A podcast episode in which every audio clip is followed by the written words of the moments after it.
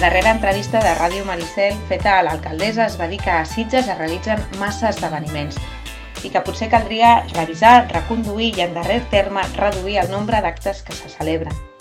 Aquesta reflexió em va portar a pensar que tot plegat és fruit de la inexistència d'un bon pla estratègic que defineixi cap a on hem d'anar en aquest sentit. És evident que els esdeveniments són una gran eina comunicativa, una de les més potents per crear imatge de marca, en aquest cas Sitges com a vila.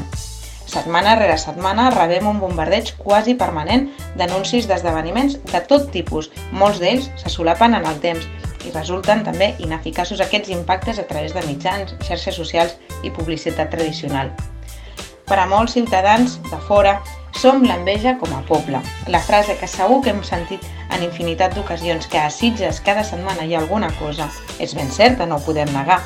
Però Sitges treu rèdit de tot el que fa? Avaluem realment si tots els esforços que impliquen els esdeveniments valen la pena en clau municipal? Segurament no.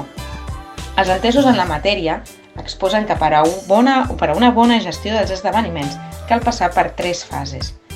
Investigació i anàlisi, l'execució i, per últim, l'avaluació. I molt em temo que en la gran majoria dels actes que celebrem ens quedem només amb l'execució. Aleshores, què ens cal fer?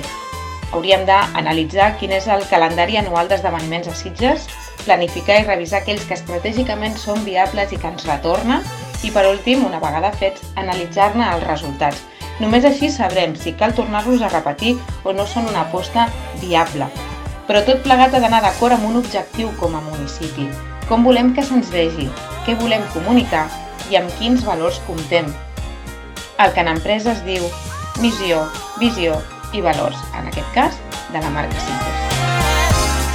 Ràdio Maricel, 107.8 FM.